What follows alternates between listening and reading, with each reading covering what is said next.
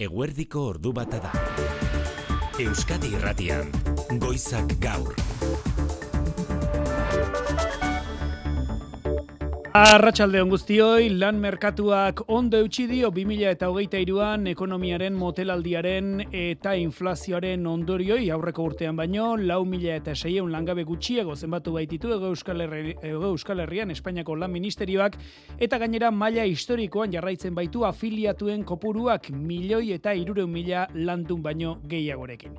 Eusko jaurlaritzak eta Nafarroako gobernuak enpleguaren bilakaera bikaina izan dela nabarmendu dute, idoia mendia jaurlaritzako lan sailburua. Enpleguaren portaera bikaina islantzen duten zifrak dira, izan diren zailtasun guztiak gainditzea lortu dutenak. Eta legealdi zail honetan, ia irurogeta mabos mila pertsona gehiako lurte dut, lortu dute eskubideak dituen lan bat. Eta komisiones eta UGT sindikatuek ere positibotzat jo dituzte datu orokorrak lan erreformaren eragina positiboa izan dela nabarmenduta. Ela eta lab sindikatuek ordea salatu dute enplegua sortzeak ez duela esanai langile askoren eta langabeen egoera ona denik. Langabezian izena emanda dauden pertsonen egoera kezkagarria da oso. Hogeita bost eta irurogeita urte arteko bilangiletik bat egoera prekarioan bizi da. We'll be right back.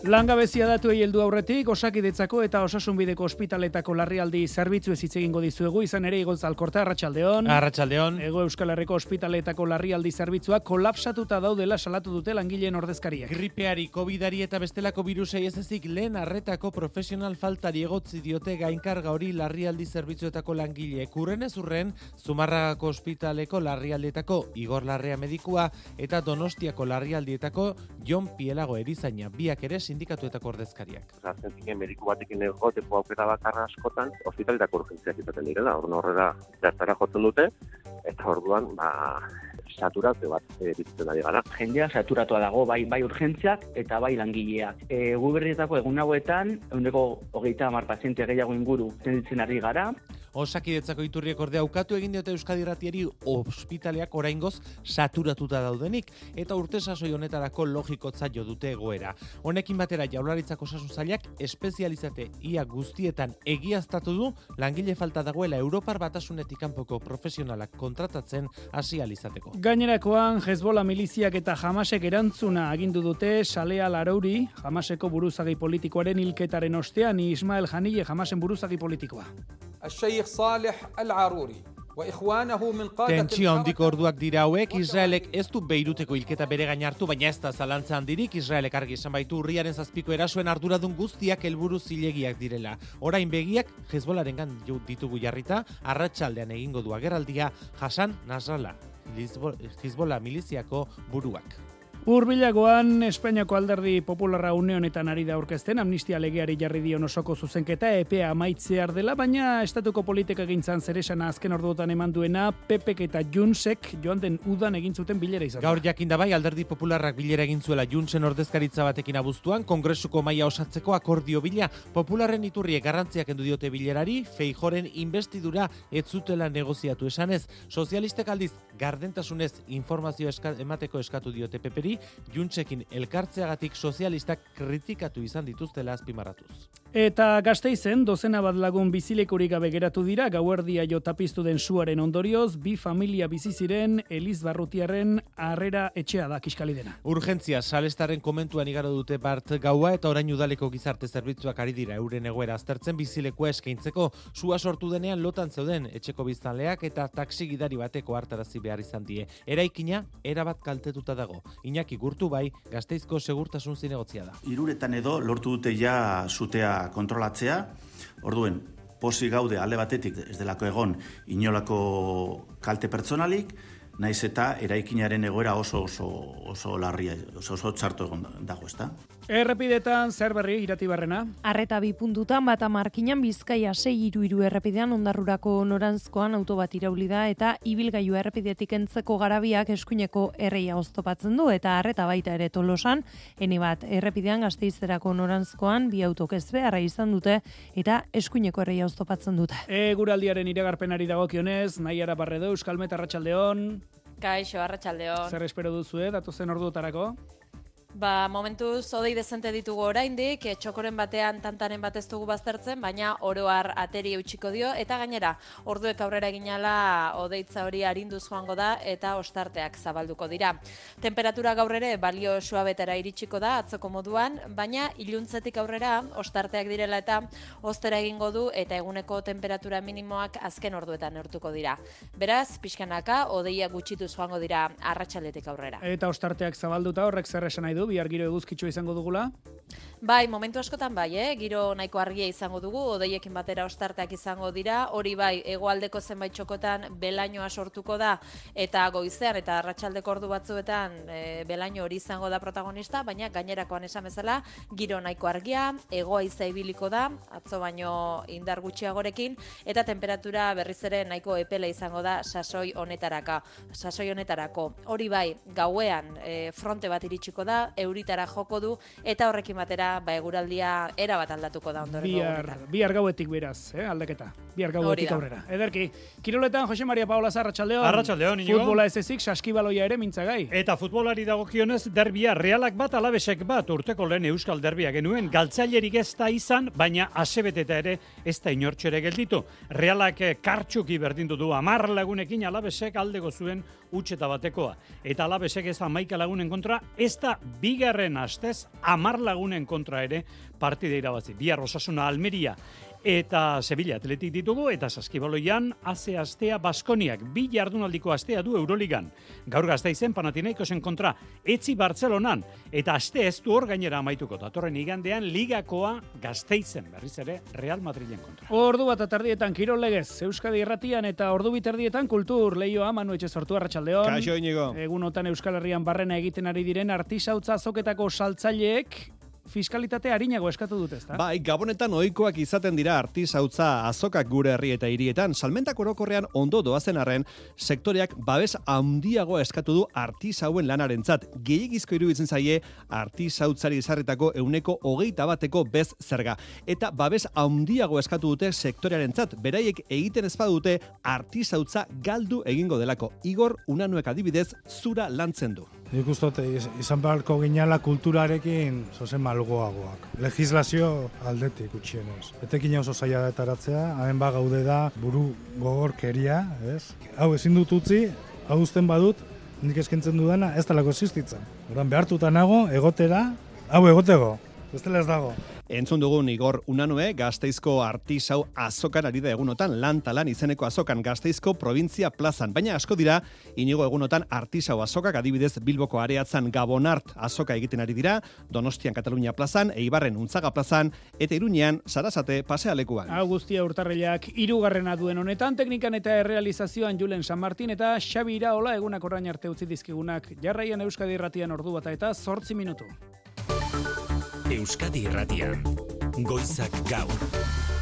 Inigo Alustiza. Ego Euskal Herriko erietxeetako larrialdi zerbitzuak gainezka saturatuta daudela salatu dute azken orduotan osasun langilek eta euren ordezkariek, aldiz osakidetzako iturriek ukatu egin diote Euskadi Irratiari larrialdiak kolapsatuta edo saturatuta daudenik neguan garai honetan gripeak, covidak eta arnaz aparatuko gaixotasun ugariago izanik herritar gehiago gaixotu dela, hori da osasun sailaren azalpena, inoa mendiburu arratsaldeon. Arratsaldeon, osasun sailaren esanetan urtero garai honetan lankarga igo egiten da. Enrique Peiro, osakidetzan osasun publikoaren arduraduna da.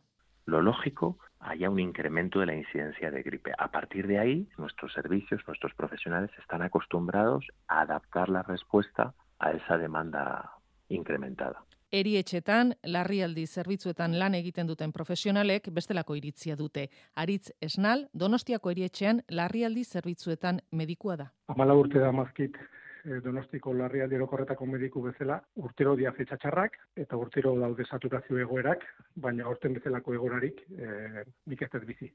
Igor Larrea, Zumarragako erietxean larrialdi zerbitzuetan medikuak, horrela deskribatu du egoera birusez gainezka gaude, hau da, lan pilo bat daukagu, hoe falta daukagu e, lehen arretan mediku falta handia dagoelako, gero paketan eta mediku falta dagoelako askotan bakarrik erizaina daudelako.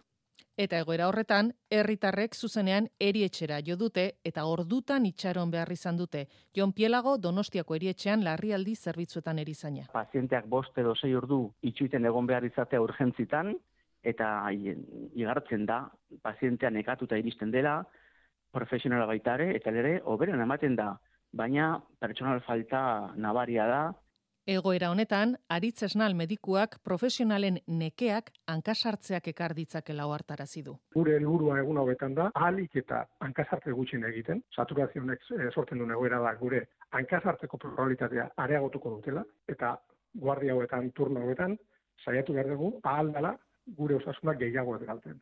Ela sindikatuak Nafarrako osasunbideko larrialdi zerbitzuen kolapsoa salatu du prentsa bidez. Uneotan, gutxienez hogeita bost pertsona, pasiluetan, oatiletan, erietxean oe bat noiz libratu zain direla dioelak, horietako batzuk atzo eguerditik dira esperoan. Ba, profesional falta horretaz jabetuta, Europar batasunetik kanpoko mediku eta erizainak kontratatu izateko bidea zabaldu du osakidetzak gaur argitaratu du hori Euskadiko aldizkari ofizialean gaur argitaratu du zehazki hori ahalbidetzen duen erabakia. Berrogeita amabi mediku espezializatetan, beraz, ia, ia espezialitate guztietan eta erizaintzako beste irutan zabaldu du osakidetzak nazionalitate betekizuna salbuesteko aukera Ainara Rubio Arratsaldeon. Arratsaldeon tartean daude lehen arretako pediatra eta familia medikuak, kardiologoak, zirujauak edota larrialdietako medikuak zuk esan duzu berrogeita amabi mediku espezialitate denera, baita hiru erizain espezialitate ere emaginak besteak beste. Guzti horietan dago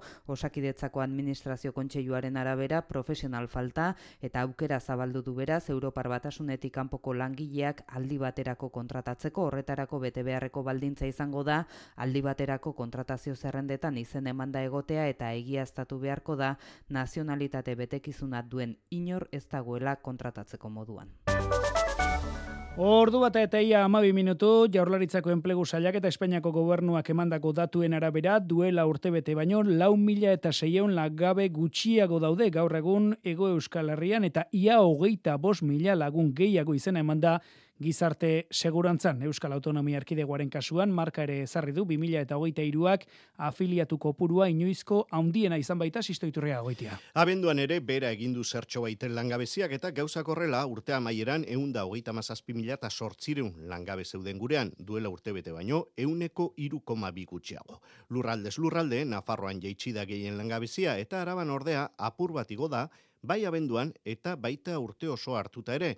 Gipuzkoan amenduan zertxo baita unditu da bai langabezia, baina urte oso hartuta jeitsi eginda. Sektorei erreparatuta, aipatzekoa da industrian eta eraikuntzan langabezia hazi egindala apurtxo bat, abenduan lau lurraldeetan.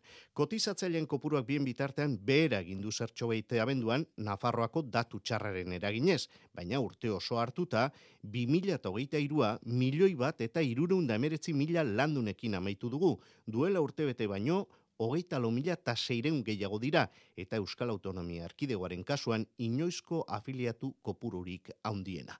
Idoia mendia, jaurlaritzako lehendakari orde eta enplegu helburuak azpimarratu du, 2000 eta hogeita iruan kotizatzeilen kopuruak milioi bateko langa gainditu duela. Enpleguaren portaera bikaina islantzen duten zifrak dira, izan diren zailtasun guztiak gainditzea lortu dutenak. Eta legealdi zail honetan, ia irurogeta mabos mila pertsona gehiako lurte lortu dute eskubideak dituen lan bat. Enpleguaren bilakaera nabarmendu du Carmen Maestu Nafarroako eskubide sozialen kontseilariak ere. Alcanzando eh, cotas eh, históricas en afiliación a la seguridad social, un dato eh, realmente muy positivo.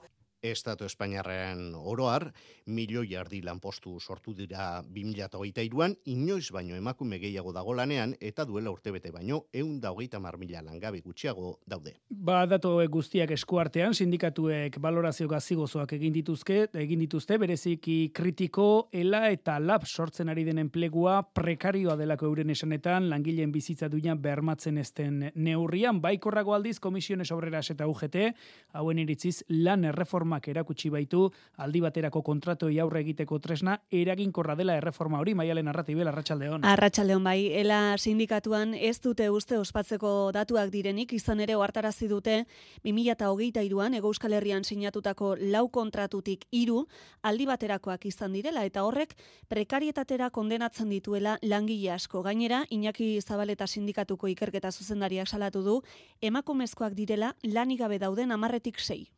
Langabezian dauden 10 pertsonatik ia 6 emakumeak direla.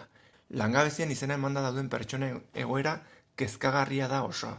Langaben erdia baino gehiagok ez du inolako prestaziorik edo langabezia subsidiorik kobratu azken hilabetean. Diagnosi horretan bat dator lab sindikatua, kontratu gehiago sinatuaren horrek ez duelako esan nahi langilek diru sarrera nahikorik dutenik eguneroko gastuei, gorantz doazen gastuei aurre egiteko. Entzun Oiana Lopetegi, labeko ekintza sindikaleko arduraduna. Nagusiki enplegu prekarioa baita sortzen ari dena. Ogoita bost eta irurogeita urte arteko bilangiletik bat egoera prekarioan bizi da. Diru sarrera nahikorik gabe bizitza duina bermatzeko. Oso bestelako irakurketa egin dute Komisione Sobreras eta UGT sindikatuek, Espainiako gobernuak onartutako lan erreforma tresna eraginkorra dela enplegua sortu eta batez ere kalitatezko lan merkatua babesteko. Kontratu mugagabeak izan direlako azpimarratu dutenez, euneko hogeita bost. Entzun, Goio Martín Komisiones. El balance anual es un nuevo récord en la creación del empleo sin perder la calidad del nuevo empleo que ha propiciado la reforma laboral. La reforma ha resultado... Edo zein kasutan, onartzen dute egiturazko arazo batzuk hor segitzen dutela, eta zentzu horretan sindikatu guztiek genero arrakalaz abisua egin dute, eta ozenago soldatak igotzeko beharraz, azkenaldiko prezioen zama ikusita. Balan merkatuaren prekarizazioa areagotzen ari dela iritzita, lan gatazka gehiago iragarri ditu, ala aurrikusten du behintzat, 2000 eta hogeita lau honetarako Garbina Eranburu Lab Sindikatuko koordinatzaile orokorrak. Gatazka gehiago besteak beste Euskal Autonomia Erkidegoko funtzio publikoan aranbururen esanetan jaurlaritzak ez baitu negoziatzeko borondaterik erakutsi. Euskadi Errateko Faktorian izan dugu gonbidatu nagusi, labeko koordinatzaile orokorra eta patronalaren eta enpresa handien alde lerratzea ere leporatu dio elkarrezketa horretan aranburuk, Eusko Aldarri jeltzaleari urtzi gartzia arratsaldeon. Arratsaldeon lan baldintzen pergarizazioa eta zerbitzu publikoen ahultzea orokorra dela uste du lab sindikatuko koordinatzaile orokorrak pandemia osteko joerari jarraituz lan gatazkak bere horretan mantenduko dira, baita funtzio publikoan ere, iaz deitutako grebek mugimendu txikiak eraginarren, garbina aranbururentzat ez zira nahikoa intersindikalak adostu eta erabakiko duenaren zain, litekena da aurten greba gehiago izatea. Ba, gauzak daudenetan jarraitzen badute, bai. Guk ikusten dugu, ba, jaurlaritzak eh, jarraitzen duela, ba, negoziatzeko borondate realik erakutsi gabe. Jaurraritza eta EAJ patronalarekin eta enpresa handiekin lerrokatuta ikusierren, aranburuk ukatu egin du grebek helburu politikorik dutenik, aberastasunaren banaketa justuagoa bermatzeko berriz, zerga erreforma aldarrikatu du lab sindikatuak, baina horretarako borondate politikorik ez izate leporatu di erakundei egiten den zerga politika e, mesedetzen ditula ba, interes patronalak eta batez ere enpresa handiak e, direla ba, zerga politika horretaz e, ba, ba, bueno, ba, baliatzen ari direnak, ez? Gu bai usten dugu diru bilketarako asko zarte handiagoa dagoela, zerga politika berritu egin behar dela, progresiboagoa izan behar dela. Eta lehendakari berria izango denari, eskaria luzatu dio Garbin Aranburuk herritarrekin lerratu dadila eta ez patronalarekin. Enpresez ari garela Madrilen gaur arratsaldean dira sinatzekoak telefonikaren urrengo enplegu erregulazio espedientia. Ia irumila eta laureun lanpostu suntxituko ditu espediente horrek lab eta SK sindikatuek salatu dutenez. Euskal Autonomia Erkidegoan bosteun lanpostu inguru erdia baino gehiago bizkaian eta arratsaldean dira sinatzekoak akordi hori esan bezala Madrilen telefonikako zuzendaritza eta UGT sumados eta komisiones sindikatuak Marijo de Gracias Arratsaldeon. Alan ekarri Bizkaian 320 langile ari dira telefonikan eta hiru laurdenak Bilboko Uribarria auzoko egoitzan antxe egin dute gaur enplegu erregulazio espedientearen kontrako elkarretaratzea. Langileak amore emanda daudela adierazi dute enpresa batzordetik eta horregatik ere jende gutxi batu da deialdira. Mila milioko irabaziak dituen enpresa batek ezin dituela modu horretan lanpostuak suntxitu salatu dute. Roberto Gosostiza enpresa batzordeko kidea. Euskal Herrian eh, badekogu bosteun aldera eta gutxi gora bera erdia eh, joan alda kalera. Hore esan nahi du lanpostu pilo bai, galduko dira berriro. Eh? Hemen egon gara bakarri bizkaian, orain dela amar amabos urte, eh, ia lau mila. Orduan, eh, suposatzen da zelako e, kenketa izan dela. Sindikatu abertzaleek kritikatu dutenez gainera erregulazio espedientea borondatezkoa den arren zenbakiek ematen ezpadute kaleratzeak derrigortuak izango dira. Esan dute, printzipio, ze bultzatuko dutela voluntaritatea, baina ireki dute atea behartzeko. Bere zenbakiak ez badute lortzen, esan dute hasiko direla e, langile nagusiekin. Eta, bueno, hor dago benetazko injustizia jende haientzat. Ez badute nahi joan eta mantendu nahi badutolako lanpostuak e, behartuak egotea. Horregatik ere xantaiatzat jo dute Madrilen adostutako akordioa kaleratze merkeagoak egiteko aitzakia dela diote. Adinaren arabera diru baldintzak aldatzen doazelako. Adibidera, mila behatzerun da irurogeita sortzen jaiotakoek, irurogeita iru urte izan arte soldataren euneko irurogeita sortze jasoko lukete, eta irurogeita bostera bitartean erdia. Aldiz, irurogeita zazpetik, irurogeita laura bitartean jaiotakoek, aurrekoek baino euneko bost gutxiago lehenengo urte horretan, eta erdia irurogeita bost bete bitartean. Erregulazio Informazio espedientea kobrearen garaiaren amaierak eta teknologiak behartuta dela adierazi du telefonikak. Aldiz, akordioarekin kritiko direnek salatu dute egonkortasunarekin amaitu eta azpi kontratazioa gehitzeko estrategia dela. Telefonikak irurogei mila lanpostu murriztu ditu laro eta amarreko amarkadatikona. Ordu bat eta ia hogeita bat minutu ekialde hurbilean tentsio handiko orduak bizi dituzte Sale al Arouri, jamaseko buruzagi politikoaren hilketaren ostean begi guztiak ala Libanoko Hezbola miliziaren gandaude jarrita eta bere erantzunaren neurria jakiteko argigarria ezain daiteke Hasan Nasralla Hezbolako buruak gaur arratsaldean egitekoa duen agerraldia. Bien bitartean eta hilketagatik protesta egiteko greba orokorra deitu dute Cisjordanian landarra izagirre. Saltokitako pertsenak jaitsita eta kaleak utzi gaur Jordanian dolu eguna dute sale alarouri jamaseko buruzagiaren jaiolekuan, baina ekialde hurbil osoa dago tentsio handiko egoeran. Ismael Janilla jamaseko exilioko liderrak ekintza terroristatzat hartu du, bere gertuko kidiaren hilketa eta Israel egin du ondorioen erantzule.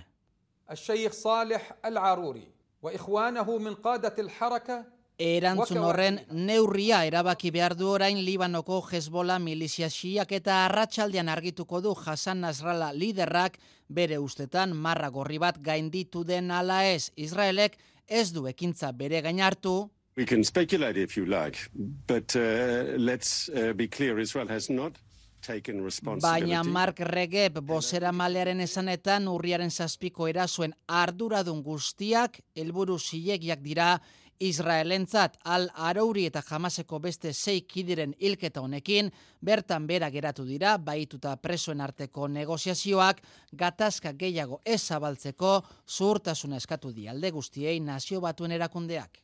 Arretaz erraituko dugu bat, datozen orduotan, ze bilakaera hartzen duen, ekialde horbileko gatazka honek, eh, Israelek Libanon, jamaseko bigarrena hil ostean. Urbilagoko politika gintzan, Espainiarra estatuko politika gintzan, zer esan ematen ari da, alderdi popularrak eta junsek joan den udan egintzuten bilera, labanguardia egunkariak jakinarazi du, bi alderdi hauek bilera egintzutela, kongresuko maia osatzeko akordio bila, popularren iturriek garrantziak endu diote bilerari, feijoren investidura etzutela negoziatu esanez, baina sozialistek gardentasunez informazioa emateko eskatu diete popularrei, junsekin elkartzeagatik, eurak kritikatu izan dituztela azpimarratuz, Mikel Larregui, Madrid y Arrachaldeón.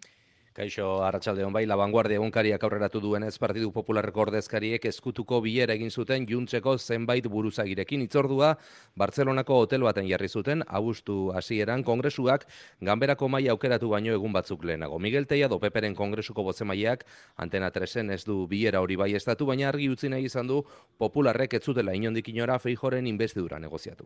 Yo lo que le puedo decir es que en ningún caso el Partido Popular estaría dispuesto a pactar la investidura de Alberto Núñez Núñez Feijo a cambio de una amnistía. En ningún Pepe caso el Partido Popular estaría dispuesto a pactar... eskutuko bierak izan ditu Puigdemonen alderdiarekin eta horregatik gaur garbi jokatzeko eskatu die Ángel Víctor Torres lurralde politikarako ministroak. Demandamos, exigimos que sean transparentes que pusieron sobre la mesa tanto con con Junts per Catalunya como por Vox. Con Vox Sozialistek no, gogoratu dute PPek ez bezala juntzekin egin dituzten bilera guztiak publikoak izan direla eta betian erabakitakoen berri eman dutela, ba ingurumari honetan kongresuak amnistiaren legearen amnistia legearen osoko zuzenketak eztabaidatuko ditu datorren astean eta PPek minutu gutxitan aurkeztuko du legi honei aurkeztuko dion osoko zuzenketa. Etxean Joseba Siron Iruñeko alkateak orain minutu gutxi hartu du parte bere agintaldiko lehen ekitaldi publikoan eta gustu egun berean Iruñerriko elkarri, elkarteak jakina jakitera eman du, azken astean Iruñean kalegorria zeuden, kalegorrian zeuden egun bat lagunentzat aterpea eskaini diela udalak eta beraz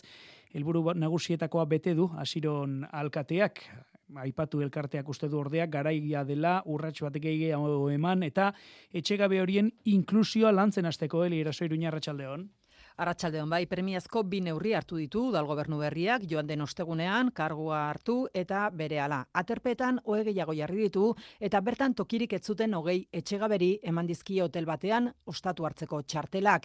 Mire nuarte elkarri laguntza taldeko kideak esan digunez, gaur gauean inorrezta kalegorrian gelditu irunean, txalotu du udal gobernu berriak arazoari bere alakoan erantzuna eman izana eta orain inklusiaren bidean neurri gehiago hartzen jarrai dezala eskatu dio. Guk eskatzen duguna sikiera orain bilduta dauden bitartean atentzioa izatea. Inklusio biderako informazioa, detekizunak, paperak eta abar nik uste dut egokia dela. Zer orain arte nahiko galduta eta hemendikara ibiltzen ziren. Joseba Siron alkateak berretsi du gizarte politikak dira bere lentasuna argi dago baiet, horretan e, tinko egiten ari garela lan eta pausuak, pausu nik esango nuke esanguratsuak e, eman ditugu. Pertsona bat kalean lo egiten dagoen bitartean ez dago deus e, ospatzekorik. Adierazpen hauek egin ditu Asironek bere agintaldiko lendabiziko ekitaldi ofizialean urrezko baba saria eman dio aspaze garuneko paralisia duten pertsonei laguntzeko elkarteari. Hori Iruinean Gasteizen berriz aurreratu dizugu sarreran kalte handiak eragin dituela Bart harrera etxe batean piztutako suak telatua behera etorri da eta kalte pertsonalik izan espada ere bertan bizi ziren bi familia etxerik gabe geratu dira. Datozen asteetarako eurentzako bizileku bilari dira elkarlanean udaleko gizarte zerbitzuak gurutze gorria eta eta Gasteizko Eliz Barrutia inara. Zua gauerdia pasata piztu da korazonisten kalearen eta unibertsitate pasea lekuaren artean dagoen harrera etxean une horretan lotan zeuden bederatzi pertsona tartean bi adin txikiko taxista bat izan da abisua eman duena. Nosotros estamos durmiendo, la policía venía y estaba tocando la, la puerta, el puente, y cuando hemos salido fuera, la casa tenía humo. Ez da zauriturik izan, baina kalteak handiak izan dira teiatua behera etorri baita inaki gurtu bai segurtasun zinegotzia. Iruretan edo lortu dute ja zutea kontrolatzea, orduen posi gaude alde batetik ez delako egon inolako kalte pertsonalik, naiz eta eraikinaren egoera oso oso oso larria, oso oso txarto egon dago, ezta? Gaua salestarren komentuan eta senitartekoen etxeetan eman dute kaltetutako bi familiek eta lehentasuna orain datozen asteetarako bizilekua bilatzea da. Era koordinatuan ari dira lan horretan, udaleko gizarte zerbitzuak gurutze gorria eta gazteizko elizbarrutuia. Bitartean, sutea zerk eraginduen ikertzen ari dira, tximinia edota berogailua izan ote diren argitzeko lanetan ari dira.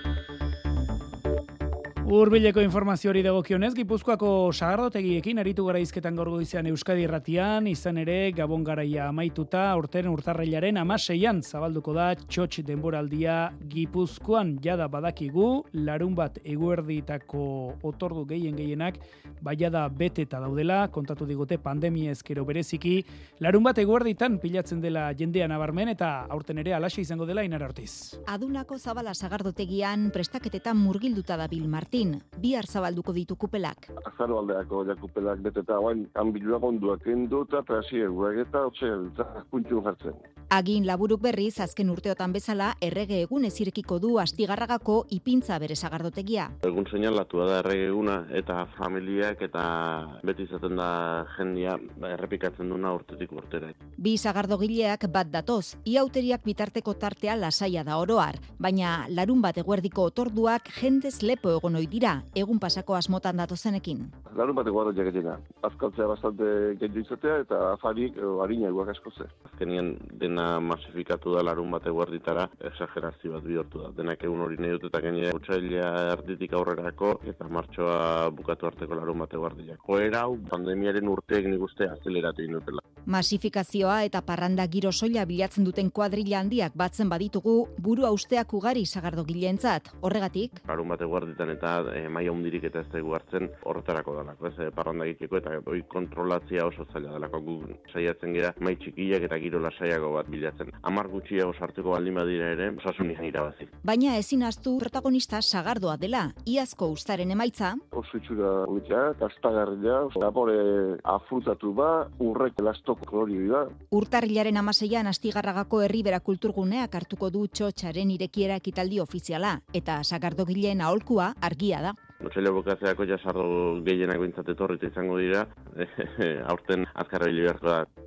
Ba, aholku honekin iritsi gara, ordu eta tardietara.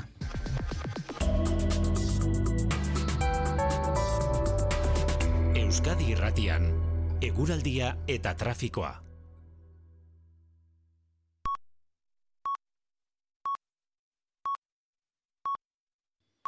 Errepidietan ez dagoela parteko eragozpenik, esan digute trafiko arduradunek eta eguraldiari dagokionez gero eta ostarte zabalagoak ikusiko ditugu zeruan, hori da behintzat Euskal Meten aurrikuspena.